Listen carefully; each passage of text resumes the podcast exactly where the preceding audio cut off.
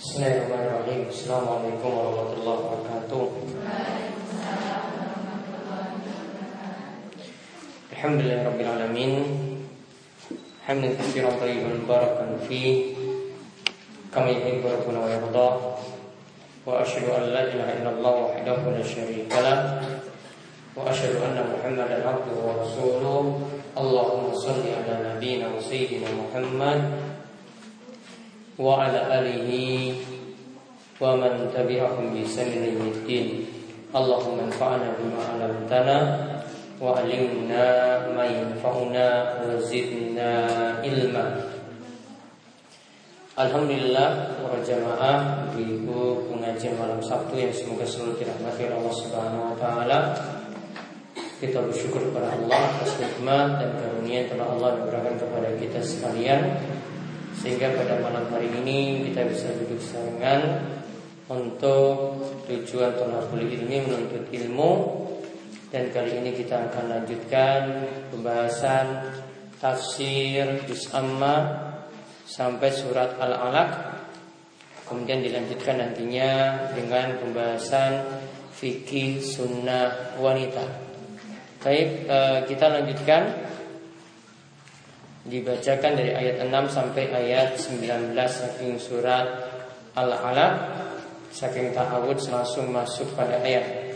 Ayat serangan A'udzu billahi minasy rajim. Bis langsung kalla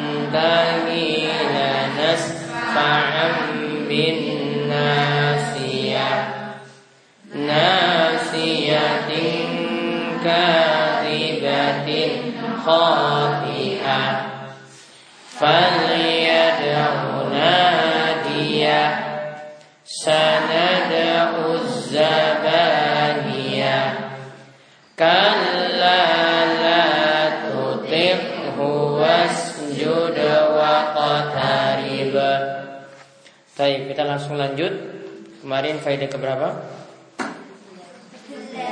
11 Yang terakhir tentang apa? Ilmu yang dipelajari ada empat. Sebagaimana kata Ibnu Nujaim Salah seorang dari ulama Hanafiyah. Ia katakan ilmu itu ada empat. Yang pertama Ilmu yang wajib fardu ain dipelajari Yang kedua ilmu yang fardu kifayah untuk dipelajari. Yang ketiga, ilmu yang sunnah untuk dipelajari. Yang keempat, ilmu yang haram dipelajari. Contoh ilmu yang haram apa saja? Ilmu filsafat, ilmu sulap, ilmu perbintangan, ilmu supranatural, sihir. Ya, ini semua ilmu-ilmu yang haram untuk dipelajari. Baik, sekarang kita lihat ayat ke-6. Kalla innal insana la yatagha. Ara'ahu inna ila rabbika ruj'a. Ketahuilah semuanya manusia benar-benar melampaui batas karena dia melihat dirinya sudah serba cukup. Sesungguhnya hanya kepada Rob mula tempat kembalimu. Jadi sekarang faedah ke-12.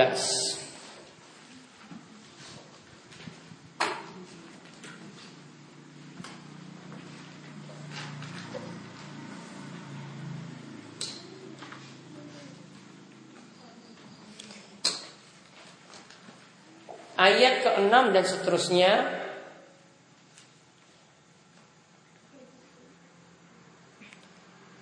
membicarakan tentang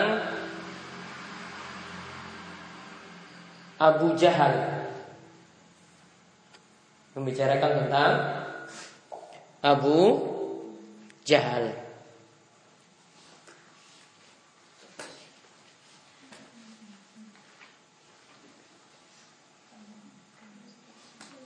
Di mana dia telah melampaui batas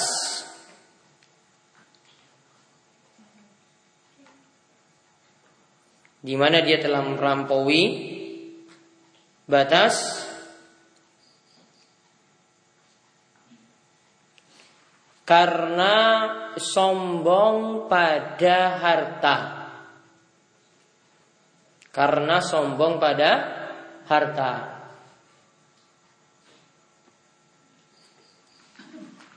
Dia sudah cukup dengan harta yang dia miliki. Padahal nanti Inna ila rabbika rujua. Setiap orang itu akan kembali kepada Allah. Kesombongannya nanti akan dibalas. Dan dilanjutkan, sombong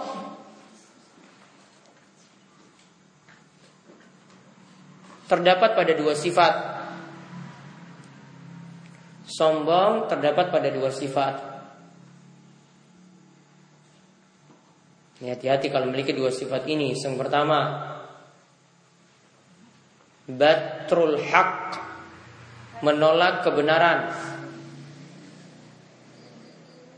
Batrul haq menolak kebenaran. Tulis saya artinya langsung. Menolak kebenaran. Yang kedua wagom tunas meremehkan orang lain Wagomtun nas meremehkan orang lain. Jadi dia tadi yang pertama sifatnya apa? Batrul hak menolak kebenaran. Ada yang sampaikan kebenaran pada dirinya, baik yang dari yang sudah tua darinya atau yang lebih muda darinya dia tolak.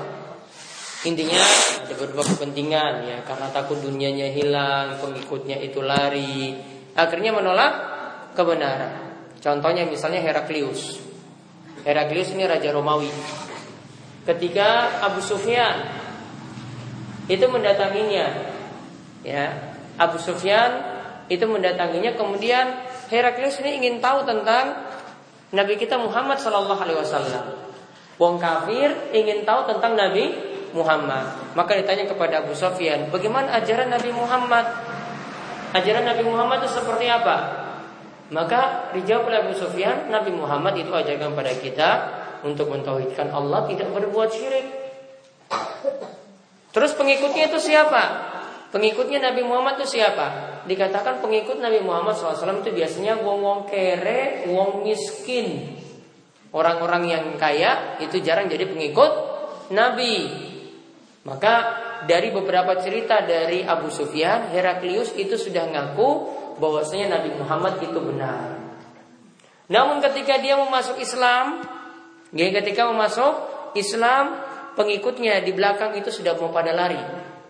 Akhirnya dia tolak itu Islam, tidak mau masuk Islam cuma gara-gara takut dunianya atau pengikutnya itu hilang.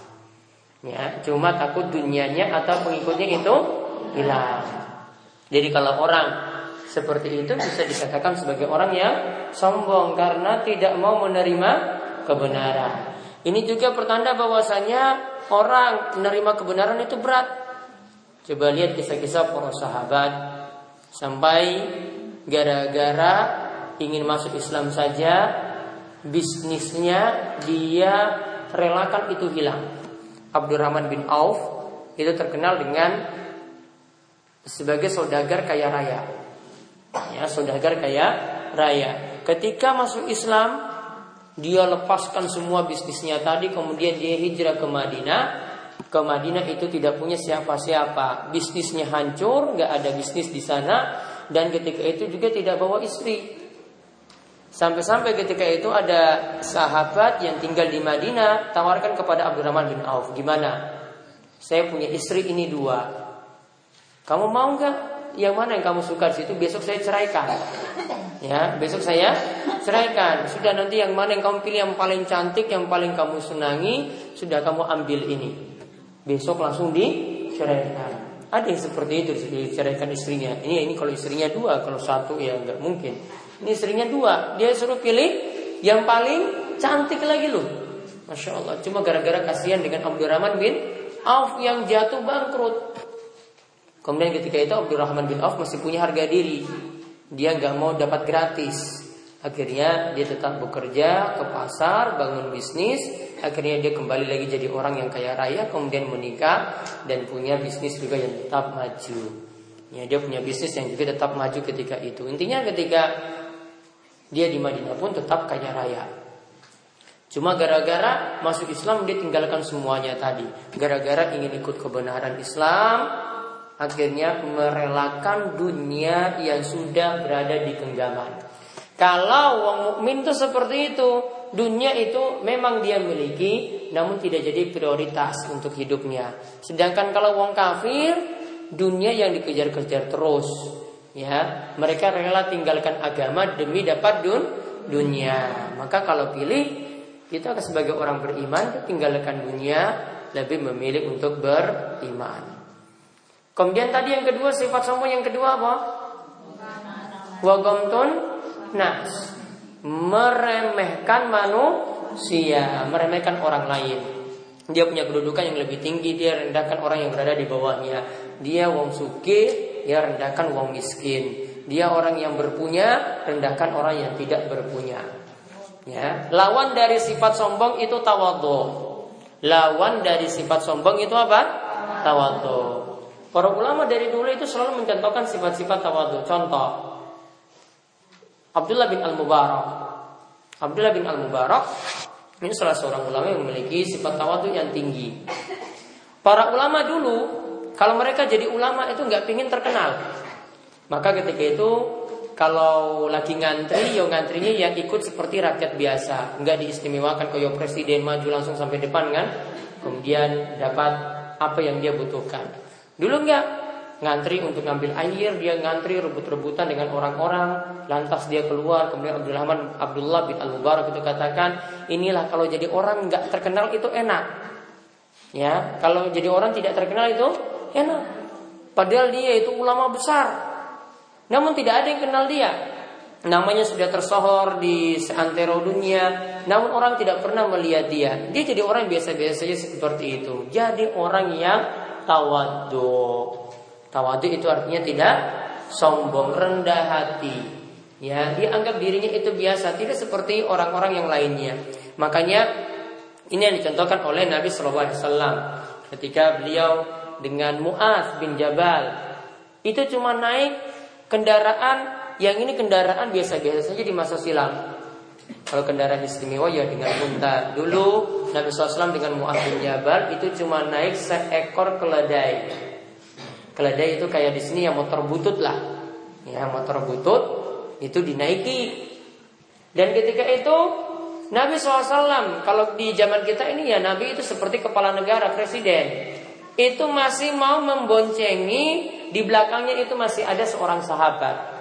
Naik motor butut masih boncengi orang lagi. Tanda bahwasanya Nabi SAW memiliki sifat tawatu tidak mau menyombongkan diri di hadapan orang lain. Contoh yang lainnya lagi Ibnu Umar. Ibnu Umar ini juga mencontohkan sifat tawadu dia menjadi orang yang terkemuka ulama besar. Suatu saat dia lihat orang Arab Badui. Orang Arab Badui ini dulu bapaknya ya ini bapaknya dulu itu pernah punya hubungan baik dengan bapaknya Ibnu Umar yaitu Umar Berarti ini anak dari teman bapaknya dulu.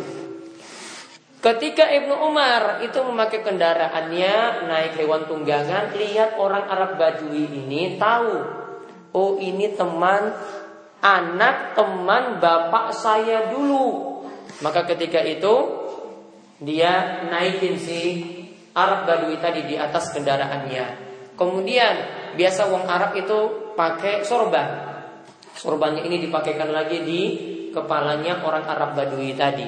Orang-orang sahabat yang lain tanya kepada Ibnu Umar, ini orang Arab Badui kok kamu istimewakan seperti itu? Dia kalau diperlakukan biasa-biasa saja mau.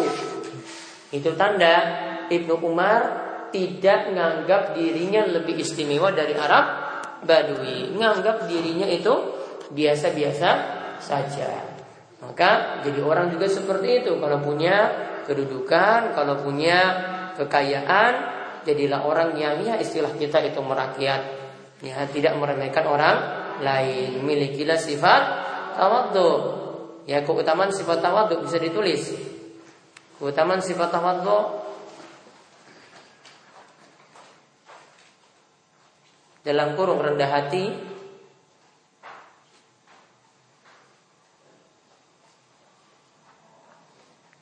Itu kata Nabi man man alillah siapa yang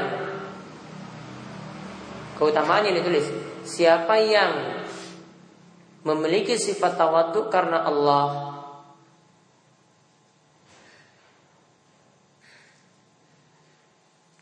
Siapa yang memiliki sifat tawadhu karena Allah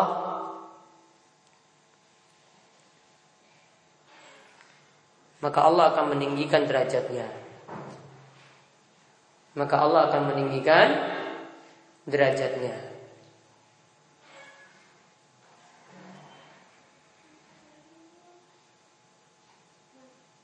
Titik.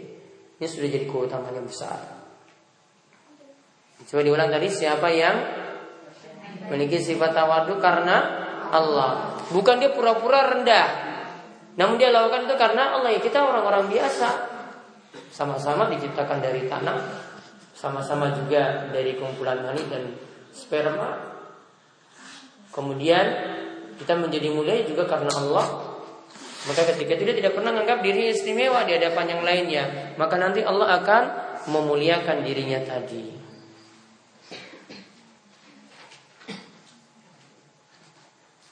Maka kalau contoh-contoh ulama sekarang itu juga banyak. Kalau di tengah-tengah kita biasanya poro kiai itu kan di mereka biasanya kasih tangannya kan untuk dicium.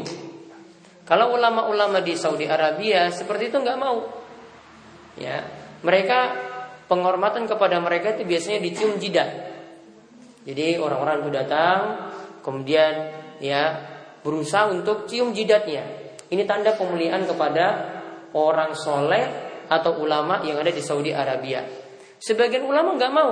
Ketika ada yang mau cium dia hindar-hindar gitu. Enggak, enggak, enggak, enggak. Yang mau didekati mau dicium, jidatnya tadi dia pergi menjauh. Ya, tanda dia nggak suka seperti itu. Sudah diperlakukan biasa-biasa saja. Bahkan dengan raja. Sekarang kan rajanya adalah Raja Salman. Ini juga orang yang tidak mau mengistimewakan dirinya juga. Kalau mau dicium seperti itu juga dia nggak mau. Ya, kalau mau dicium seperti itu juga nggak mau. Kalau di kita itu kan kiai biasanya cium tangan. Kalau di sana tadi cium jidat. Ya, mereka rata-rata tidak mau seperti itu, walaupun itu adalah bentuk pemuliaan.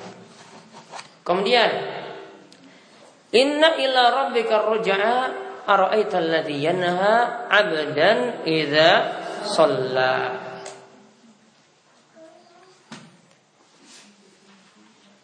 Faedah yang ke 12 13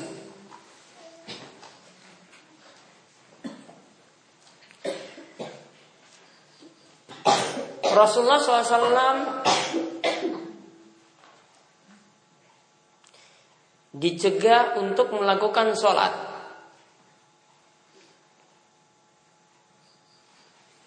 Rasulullah SAW dicegah untuk melakukan sholat. Artinya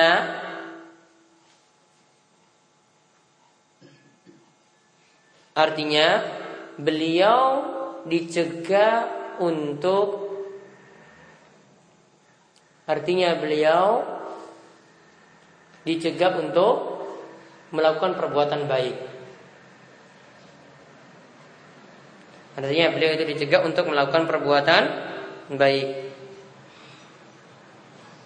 Maka sini kesimpulannya dilanjutkan. Ini berarti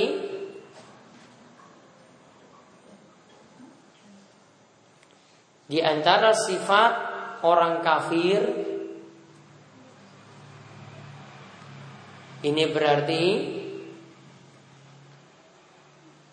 di antara sifat apa tadi? Orang kafir dan orang jahiliyah di antara sifat orang kafir dan orang jahiliyah adalah biasa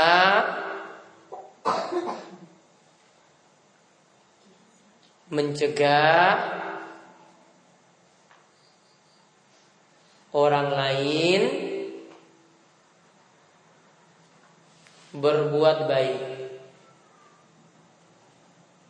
Adalah biasa mencegah orang lain berbuat baik. Sifat seperti ini ada nggak di zaman ini? Banyak. Ada yang mau pakai jilbab dihalang-halangi. Ada yang mau ngikut pengajian dihalang-halangi. Berarti itu sifat apa? Sifat wong kafir, sifat jahiliyah. Ini sifatnya Abu Jahal dulu loh. Abu Jahal itu halangi Nabi SAW untuk melaksanakan sholat. Kalau ada ini wong kafir, kalau ada yang ngaku muslim, halangi orang untuk berbuat baik, itu juga sama. Masih dia wariskan sifat dari Abu Jahal. Ya, cuma dia beda aja dia ngaku muslim. Kalau Abu Jahal sudah jelas dia ngaku kafir. Ya, masih mending Abu Jahal. Abu Jahal sudah jelas wong kafir, sudah jelas musuh. Ya, ini wong muslim yang ngalang-halangi.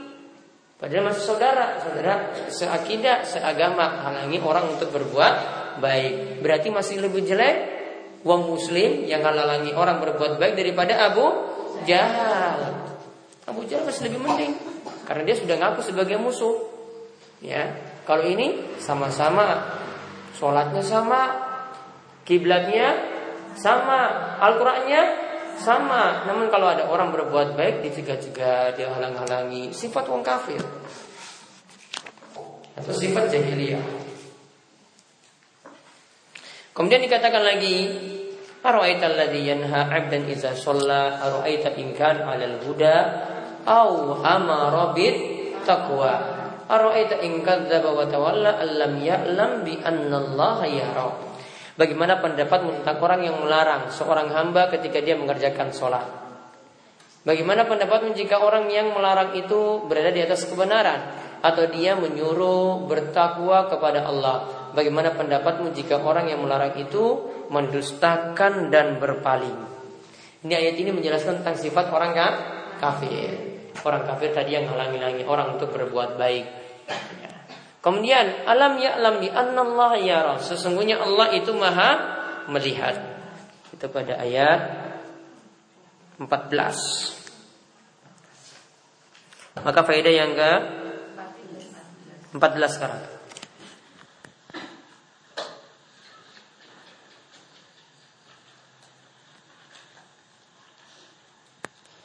Allah itu maha melihat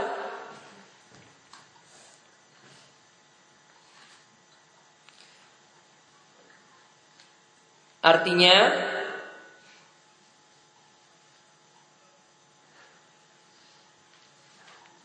Artinya perkara lahir dan batin perkara lahir dan batin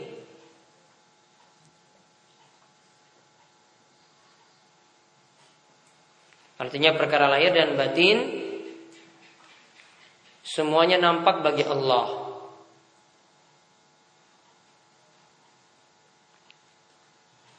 Ya, semuanya nampak bagi Allah. Dan Allah nanti akan membalasnya. dan Allah nanti akan membalasnya. Titik. Jadi kalau ada yang sholat Allah tahu, ada yang puasa Allah tahu, ada yang ya dalam hatinya tawakalnya kurang pada Allah. Ya, tawakal itu kata Imam Abu Hamid Al Ghazali yaitu seorang itu percaya pada janji Allah. Ya, yang namanya tawakal itu dia dia menyandarkan diri pada Allah dan percaya pada janji Allah. Kalau bertakwa, Allah akan berikan balasan, Allah akan berikan rizki. Kalau kita pasrah pada Allah, Allah akan mudahkan urusan. Ini namanya tawakal. Ya, ini namanya tawakal. Jadi dia lakukan amalan seperti ini amalan hati. Amalan hati pun itu akan dibalas. Maka ada amalan hati tadi ada orang yang tawakalnya pada sebab. Misalnya ibu-ibu, ini beda-beda tipis. Ya, mau pergi berobat. Kalau cuma ambil obat sebagai sebab dan tawakalnya penuh pada Allah, ini benar. Namun kalau ada sebagian, ya pokoknya cuma percaya obat, obatnya sama, namun cuma dari dokter itu. Kalau dokter lain nggak percaya, ya Cuma dia dokter itu saja dokter lain nggak percaya. Rasa kebergantungannya pada dokter lebih besar daripada pada Allah. Ini tawakalnya kurang. Ini imannya juga kok kurang. Ya, ini diperbaiki. Ya, jangan bergantung pada obat, jangan bergantung pada dokter, namun pasrah bergantung pada Allah Subhanahu wa taala. Lihat kata Nabi Ibrahim ketika menerangkan tentang Allah, wa idza maridtu fahuwa yashfin. Ketika aku sakit, yaitu Nabi Ibrahim sakit, maka Allah yang menyembuhkanku, bukan obat, bukan dokter yang memberikan kesembuhan. Maka kalau sakit juga seperti itu. Orang punya rasa ketergantungan tadi pada Allah, ini amalan hati. Amalan hati ini tidak ada yang tahu. Itu pun nanti akan Allah balas. Jadi amalan lahir maupun amalan batin itu semuanya Allah lihat. Dan semuanya nanti Allah akan balas. Ya, kita cukupkan sampai ayat 14 tadi. Sisanya 15, 16, 17, 18, 19. Sampai nanti pembahasan tentang ayat sajadah. Insya Allah kita bahas pada pertemuan depan.